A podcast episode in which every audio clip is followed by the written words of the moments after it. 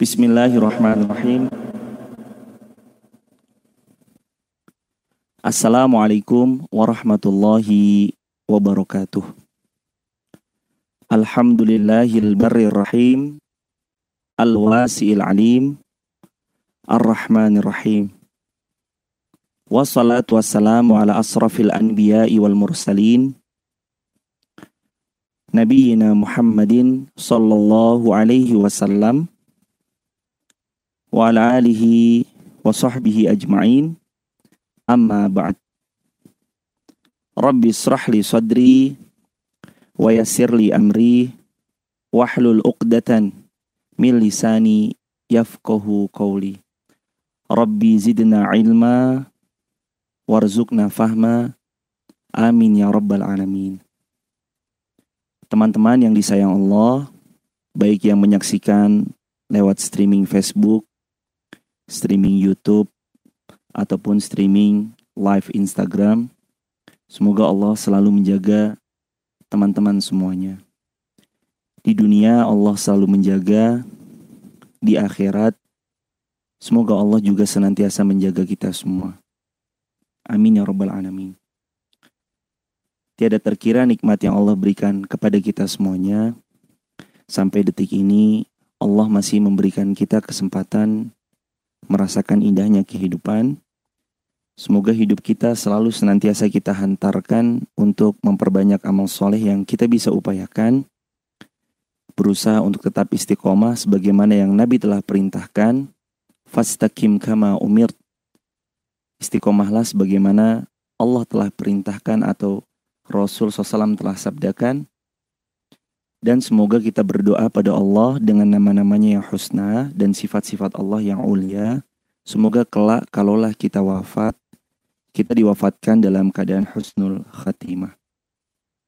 Kedua kalinya salawat bertangkaikan salam teruntuk manusia yang paling agung, manusia yang paling mulia, baginda Rasulullah Muhammad sallallahu alaihi wasallam. Allahumma salli wa sallim wa zid wa an'im wa barik alaih.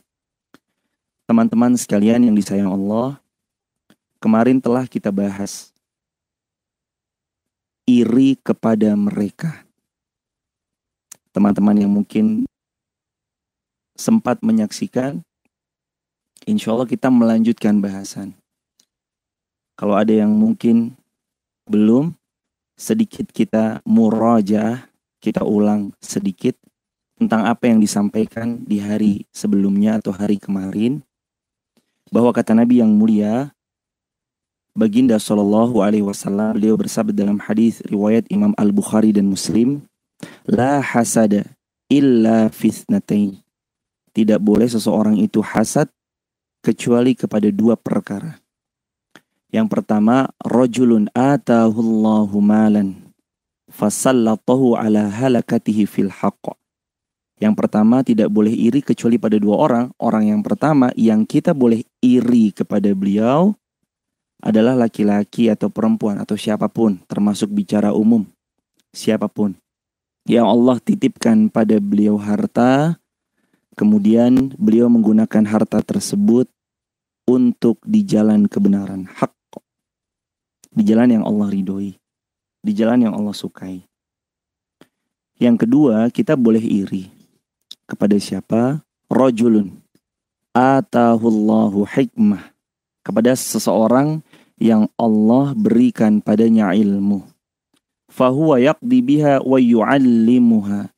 Dan seseorang itu mengajarkan orang lain dengan ilmu yang beliau punyai. Kita boleh iri pada dua orang ini.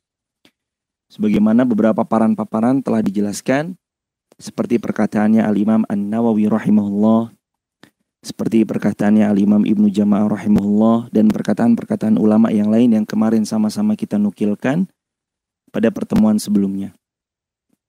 Teman-teman sekalian yang disayang Allah, baik di mana pun teman-teman berada, hari ini lanjutan yang bertemakan tentang tidak akan pernah rugi di dalam berbagi. Al-Imam An-Nawawi rahimahullah beliau menukil hadis Nabi yang mulia riwayat Al-Bukhari dan Muslim dengan sanad yang sahih. Hadis ini dari sahabat Abdullah bin Mas'ud radhiyallahu an. Abdullah bin Mas'ud radhiyallahu an beliau berkata adalah Rasulullah sallallahu alaihi wasallam beliau bersabda Ayyukum malu warithihi ahabbu ilaihi min malih kata Nabi yang mulia sallallahu alaihi wasallam beliau bersabda siapakah di antara kalian yang lebih mencintai harta ahli warisnya daripada hartanya sendiri? Sebuah pertanyaan yang membuat kita harus memperhatikan nanti apa yang akan dijawab atau apa yang akan terjadi sesudah pertanyaan tadi Rasul Shallallahu Alaihi Wasallam lontarkan kepada para sahabat beliau yang mulia radhiyallahu anhum ajmain. Ya Rasulullah, ma minna ahadun illa maluhu ahabbu ilaih. Duhai Rasulullah, tidak seorang pun di antara kami lebih mencintai harta ahli warisnya ketimbang hartanya sendiri, melainkan kita semua lebih cinta kepada harta milik kita sendiri. Ini per, ini pertanyaan yang the best dijawab dengan jawaban dari para sahabat yang mereka semua mulia di sisi Allah Rabbul Jalali wal Ikram. Radiyallahu anhum ajma'in. Ya Rasulullah, ma minna ahadun illa maluhu ahabbu ilaih. Ya Rasulullah, tidak seorang pun di antara kami kecuali pasti mencintai hartanya sendiri. Qala. Kemudian Rasulullah Sallallahu Alaihi Wasallam Baginda yang mulia pun bersabda Fa inna ma lahu ma qaddama wa ma lahu warithihi ma akhara Kata Nabi yang mulia Sesungguhnya hartanya adalah apa yang dia belanjakan Sedangkan harta milik ahli warisnya adalah apa yang dia simpan atau apa yang dia tabung. Indahnya untayan kalimat Nabi yang mulia Shallallahu Alaihi Wasallam. Harta yang milik kita adalah apa yang kita belanjain. Kita beli barang sesuatu, kita infakin di jalan Allah, kita dermain kepada orang-orang yang membutuhkan, kita berbagi kepada sesama, kita membeli sesuatu untuk kemudian kita nikmati. Membeli sekian porsi makanan, sekian porsi minuman. Terus kemudian kita telan, itu punya kita. Baju yang kita beli kemudian kita kenakan, itu yang milik kita. Adapun yang kita simpan di tabungan, adapun yang nominal banyak bahkan panjang digitnya, selama hanya kita simpan semata, itu calon milik ahli waris kita.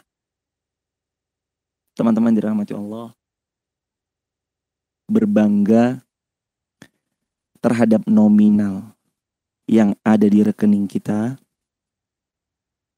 nggak ada masalah sama sekali. Tapi orang yang mencintai Allah, orang yang mencintai Rasulullah Shallallahu Alaihi Wasallam, punya sudut pandang yang berbeda. Nggak hanya sekedar banyak-banyakan nominal di rekening tabungan. Nggak hanya sekedar main besar-besaran saldo. Mereka punya visi yang jauh lebih panjang. Tabungan mereka adalah pahala yang kelak akan terus deras mengalir ke kuburannya walaupun nyawanya telah terhenti. Walaupun dirinya telah wafat meninggalkan dunia ini. Mereka selalu berpikir tentang visi jangka panjang. Akhirat, akhirat, akhirat, akhirat. Tabungannya adalah apa yang menjadi tabungan di akhirat kelak. Tabungan-tabungan mereka. Jadi teman-teman dirahmati Allah, berpikir tentang kehidupan dunia dibolehkan. Tapi tentang akhirat harus jadi prioritas utama. Bukan justru terbalik. Akhirat prioritas ke-129. Dunia prioritas pertama. Enggak, enggak, enggak. Dibalik. Akhirat prioritas kita yang pertama. Dunia menjadi nomor yang kesekian. Maka Nabi yang mulia SAW ngasih tahu hakikat harta yang sebenarnya harta yang sebenarnya adalah apa yang kita belanjain. Itu harta kita. Entah kita beliin makanan, minuman, buah-buahan, pakaian, papan, rumah, villa, atau apa pun. Begitu dibelanjakan dan kemudian kita gunakan, kita pakai, kita kenakan, atau kita konsumsi. Makan ataupun kita minum, jadi milik kita. Yang masih di tabungan, itu bakal jadi milik ahli waris kita. Ahli waris kita yang akan menguasai itu tatkala di detik saat kita meninggal dunia tabungan dengan nominal yang panjang dan angka yang lumayan besar masih melekat di rekening kita. Itu akan jadi milik ahli waris kita.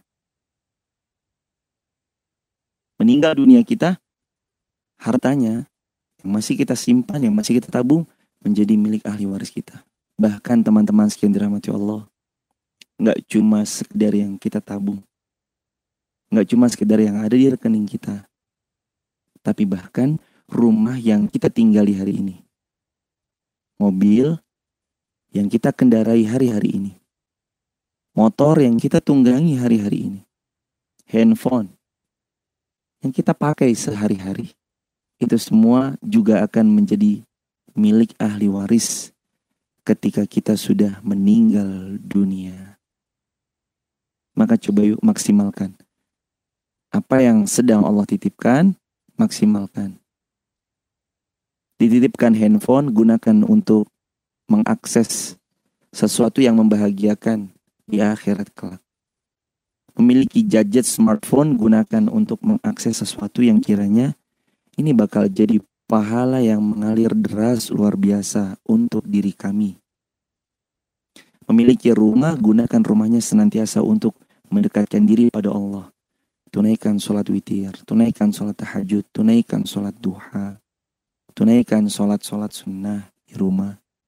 Di hari-hari ini, saat pandemi menyapa seluruh makhluk di muka bumi dekatkan diri. Mumpung Allah kasih kesempatan, dekatkan diri untuk sesering mungkin membaca kalam Allah Al-Quran. Hafalkan. Jangan sampai enggak. Tahun lalu hafalannya trikul. Kul huwallahu ahad. Kul a'udzu birabbil falak. Kul a'udzu birabbin nas. Tahun lalu trikul, masa tahun ini trikul lagi? Al-Quran itu 114 surah. Masa kita dari 114 cuma hafal 3 surah doang? Ke mana 111 surah yang lain? Emang gak bakal ditanya sama Allah. Kamu aku kasih umur sampai 20 tahun, sampai 25 tahun, sampai 30 tahun, sampai 35 tahun, sampai 40 tahun atau bahkan lebih dari 40 tahun kok hafalannya stagnan di situ-situ aja sih? Emang besok nggak Allah tanya. Allah tanya semuanya. Sebagaimana sabda Nabi yang mulia Shallallahu Alaihi Wasallam wa an umrihi fima afna. Tentang umurnya dihabiskan untuk apa? Allah akan tanya nggak akan pernah bergeser kaki seorang hamba. Hatta yus'alu. Sampai dia bakal ditanya salah satu pertanyaannya di antara empat. An umrihi fi maafna umur dipakai untuk apa? Teman-teman yang disayang Allah maksimalin umur. Selagi diberi umur. Jangan sampai terlena. Jangan sampai terlalaikan Insanu. Manusia itu lemahnya luar biasa. Sebagaimana yang tadi Allah firmankan dalam Quran surah 4 An-Nisa ayat 28, manusia itu lemah, gampang terpedaya, gampang dibuat lalai, gampang dibuat terlena.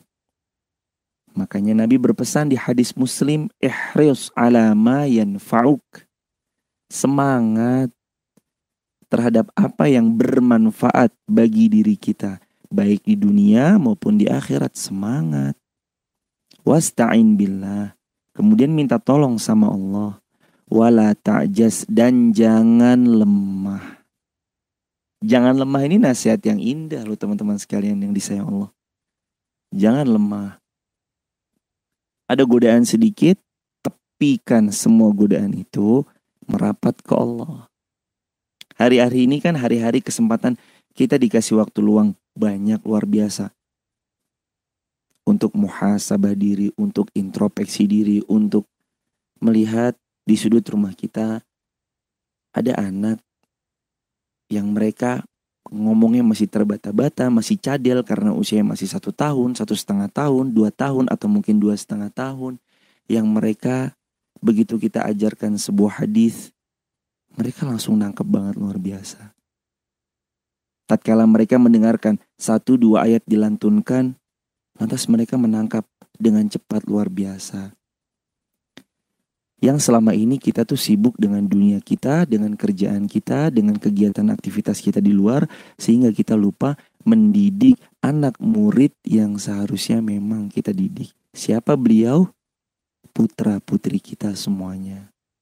Hari-hari ini teman-teman sekalian, Allah kasih waktu buat kita, waktu yang indah untuk merenung, untuk nyiapin banyak hal, untuk koreksi diri, untuk muhasabah, untuk jadiin kita kelak kalau keluar dari sebuah kalau bisa kita katakan ya sebuah ujian bersama seluruh masyarakat dunia itu ngindikasiin kita kalau kita menjadi the winner di antara mereka semua. Kan kita lagi diuji bareng-bareng kan. Satu dunia ini dapat hal yang sama kan.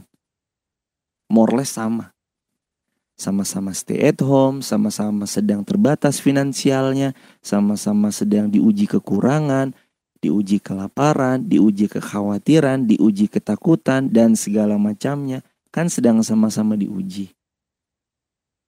Tapi kan Allah memberikan kabar gembira. Quran Surah 2 Al-Baqarah ayat 155. Wabashiris sabirin.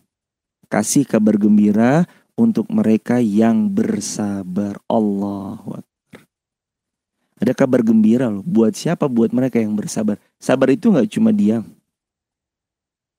Sabar itu nggak cuma nunggu sesuatu tanpa beraktivitas yang anfaedah. Itu bukan sabar.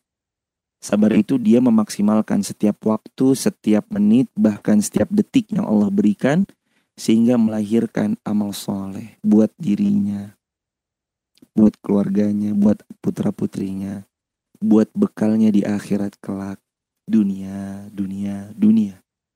Kadang memang melenakan teman-teman sekalian. Makanya Allah berfirman, bal tu'thirunal hayatat dunia. Kalian itu suka banget ya. Lebih ngejar, lebih ngutamain lebih prioritasin dunia. Padahal akhirat itu khairu wa abqa. Lebih baik dan lebih kekal. Ya inilah kita manusia. Makanya senantiasa diingatkan lewat lisan para guru-guru kita. Para ustadz-ustadz kita. Para kiai-kiai kita. Para ulama-ulama kita. Beliau berpesan, manfaatin waktu, Segerakan dalam beramal soleh, jangan ditunda-tunda. Jangan bilang nanti-nanti, takutnya keburu mati. Kan kayak gitu kan nasihat kiai-kiai kita. Nasihat guru-guru kita yang mulia. Nasihat ustadz-ustadz kita. Yuk segerakan dalam beramal soleh. Apa yang kita punya, tunggangi untuk meraih syurga. Handphone, tunggangi untuk meraih syurga kendaraan yang Allah titipkan, mobil, tunggangi untuk meraih surga. Motor tunggangi untuk meraih surga. Rumah tunggangi untuk meraih surga. Apa pun tunggangi untuk meraih surga. Usahain, tunggangi itu semua untuk meraih surga. Cari bekal banyak-banyak. Kampung kita, surganya Allah. Kampung kita, surganya Allah. Tinggal nunggu beberapa detik ke depan, kita akan pulang kampung. Entah di detik yang keberapa. Tapi yang jelas Allah berfirman kita semua akan berpulang ke pangkuannya. Quran surah 3 Ali Imran ayat 185. Kullu nafsin dha'iqatul maut. Setiap yang bernyawa pasti akan mencicipi yang namanya kematian. Di detik yang keberapa? Wallahu a'lam biswab. Tapi detik demi detik yang berlalu sebenarnya adalah penghantar untuk kita berpulang ke pangkuan Allah Rabbul Jalali wal Ikram. Nggak tahu nanti di detik yang keberapa. Apakah di detik yang kelima, 500, 5 ribu, 50 ribu, 500 ribu, di detik yang kelima juta, di detik yang kelima ratus juta, atau bahkan di detik yang kelima miliar kita baru pulang ke pangkuan Allah, ilmu itu ada di sisi Allah. Azza wa Jal. Tugas kita bersiap-siap. Alangkah rugi orang yang dikasih harta berharga yang bernama waktu, kemudian ia menyia-nyiakan harta berharga yang Allah berikan yang bernama waktu tersebut. Allahu Akbar. Teman-teman yang disayang Allah, yuk pakai waktu, pakai waktu. Ini harta yang berharga. Nggak bakal bisa diulang lagi. Hari ini kita maksiat. Allah, di hari itu juga berarti kita sedang melewatkan satu kesempatan beramal soleh dan musibah yang paling dahsyat dan paling besar adalah musibah di atas musibah atau musibah yang paling dahsyat dan paling besar adalah seseorang sedang Allah timpakan musibah padanya dan dia masih sempat memaksiati Allah dengan berbuat dosa sedangkan Allah sedang mengujinya. Wah, ini musibah di atas musibah. Allahu Akbar. Dan nikmat adalah dalam kondisi apa pun, baik ditimpa nikmat, diberi nikmat, atau ditimpa kesusahan, maka dia tetap selalu bisa bersyukur dan bersabar dalam dua role atau dua putaran kehidupan tadi. Uh, ini nikmat di atas nikmat. Lagi diuji, sabar. Lagi dikasih ujian, bersabar. Lagi diberikan nikmat, dia pun bersyukur. Ini nikmat di atas nikmat. Tapi kalau sedang diuji musibah, masih sempat-sempatnya maksiat sama Allah, ini musibah di atas musibah. Teman-teman yang disayang Allah, Semoga Allah jaga kita semua dari perilaku itu semua. Amin ya rabbal alamin. Semoga Allah jaga kita dari perilaku-perilaku yang buruk, berbuat maksiat dan dosa. Padahal Allah sedang menguji kita. Dari Adi bin Hatim radhiyallahu an bahwa Rasulullah Shallallahu alaihi wasallam beliau bersabda, "Ittaqun nara walau bisyikki tamrah." jagalah diri kalian dari api neraka. Walaupun dengan bersedekah separuh butir kurma. Hadis tadi yang kami bacakan sahih. Riwayat Imam Al-Bukhari, riwayat Imam Muslim. Ittaqun nara, jagalah diri kalian dari siksa api neraka. Walau bisyikit tamrah, walaupun dengan bersodakoh separuh butir kurma.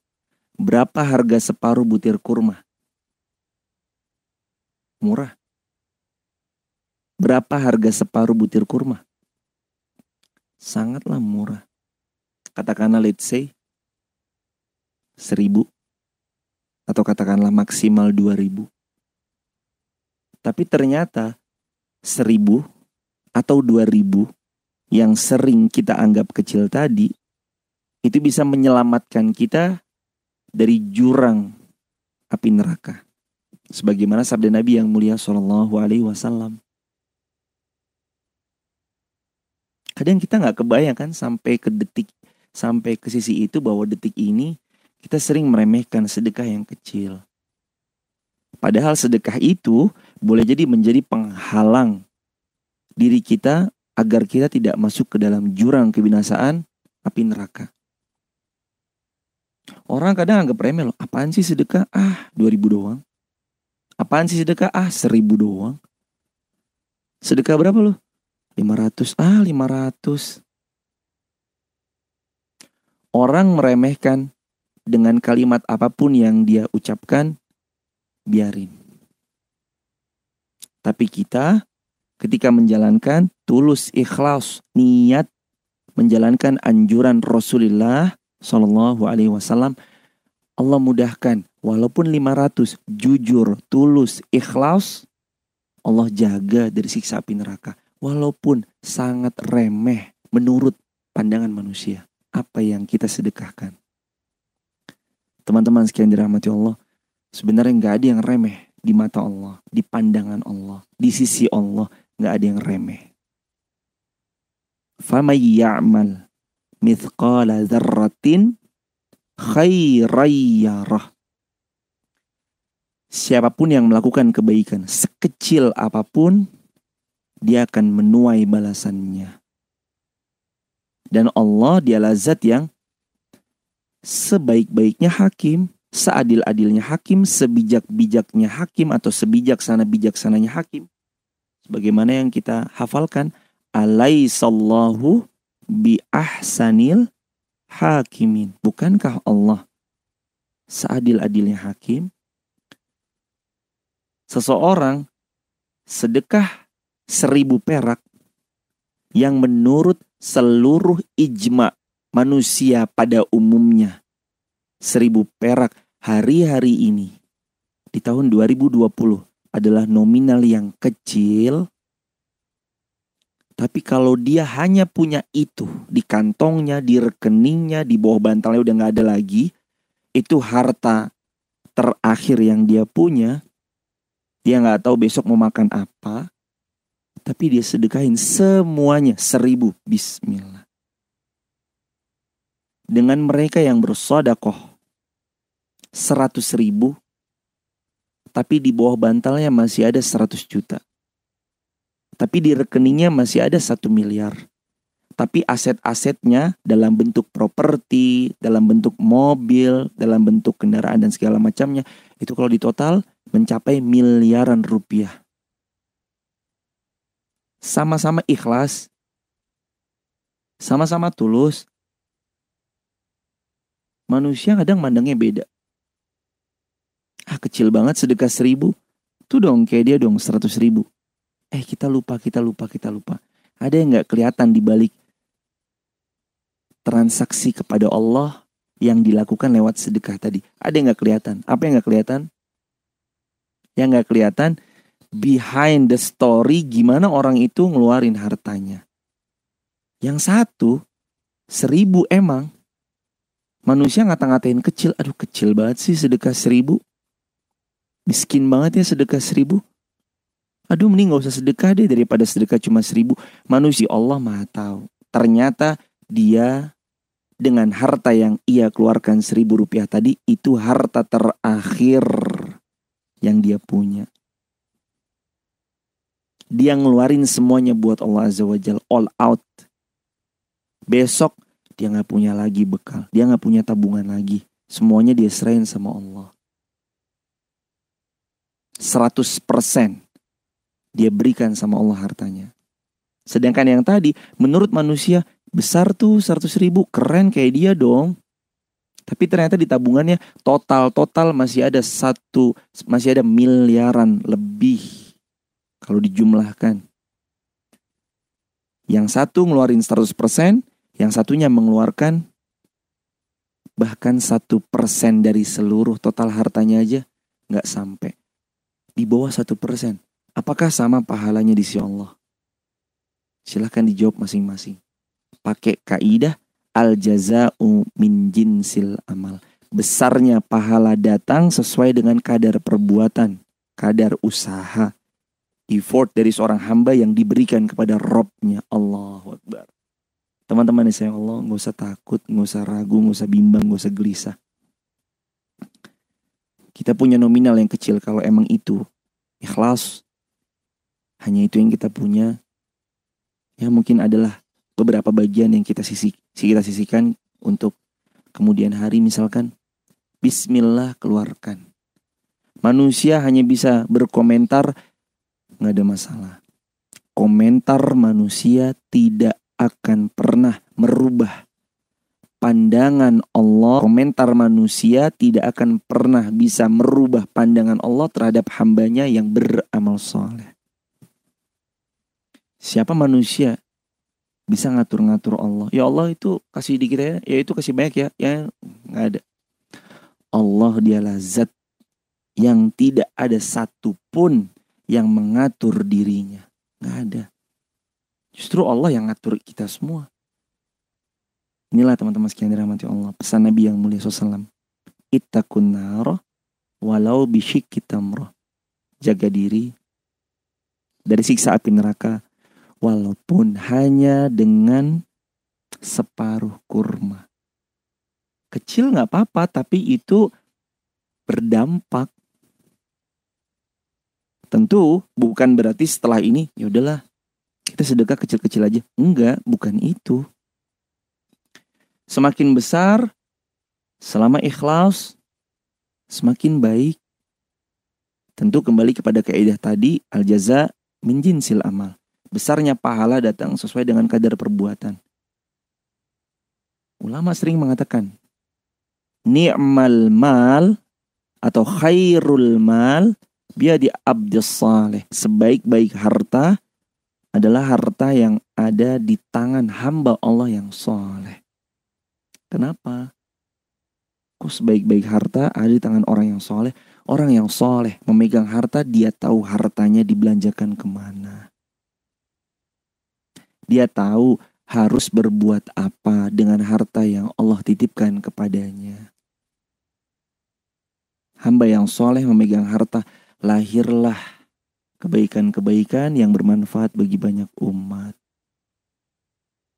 Teman-teman yang disayang Allah, miliki semangat untuk berbagi berapapun nominal yang kita miliki. Apalagi hari-hari ini. Apalagi hari-hari ini. Saat kita sulit, saat kita sedang butuh-butuhnya terhadap harta yang kita punya, kita miskin dan kita ingin menjadi orang yang kaya, terus kita mau berderma, itu berderma terbaik bila dilakukan. Bagaimana sabda Nabi yang mulia, sedekah terbaik adalah empat kondisi. Saat kamu sehat, ketika engkau sedang susah, maksudnya itu harta sedikit, sedangkan kita butuh banget sama harta yang kita punya tadi, dan kita ingin jadi orang kaya. Di empat kondisi ini, sehat, hartanya sedikit, kita butuh banget sama harta itu, tapi kita pengen kaya, terus kita berderma, kata Nabi yang mulia Shallallahu Alaihi Wasallam itu posisi terbaik seorang hamba ketika bersodakoh.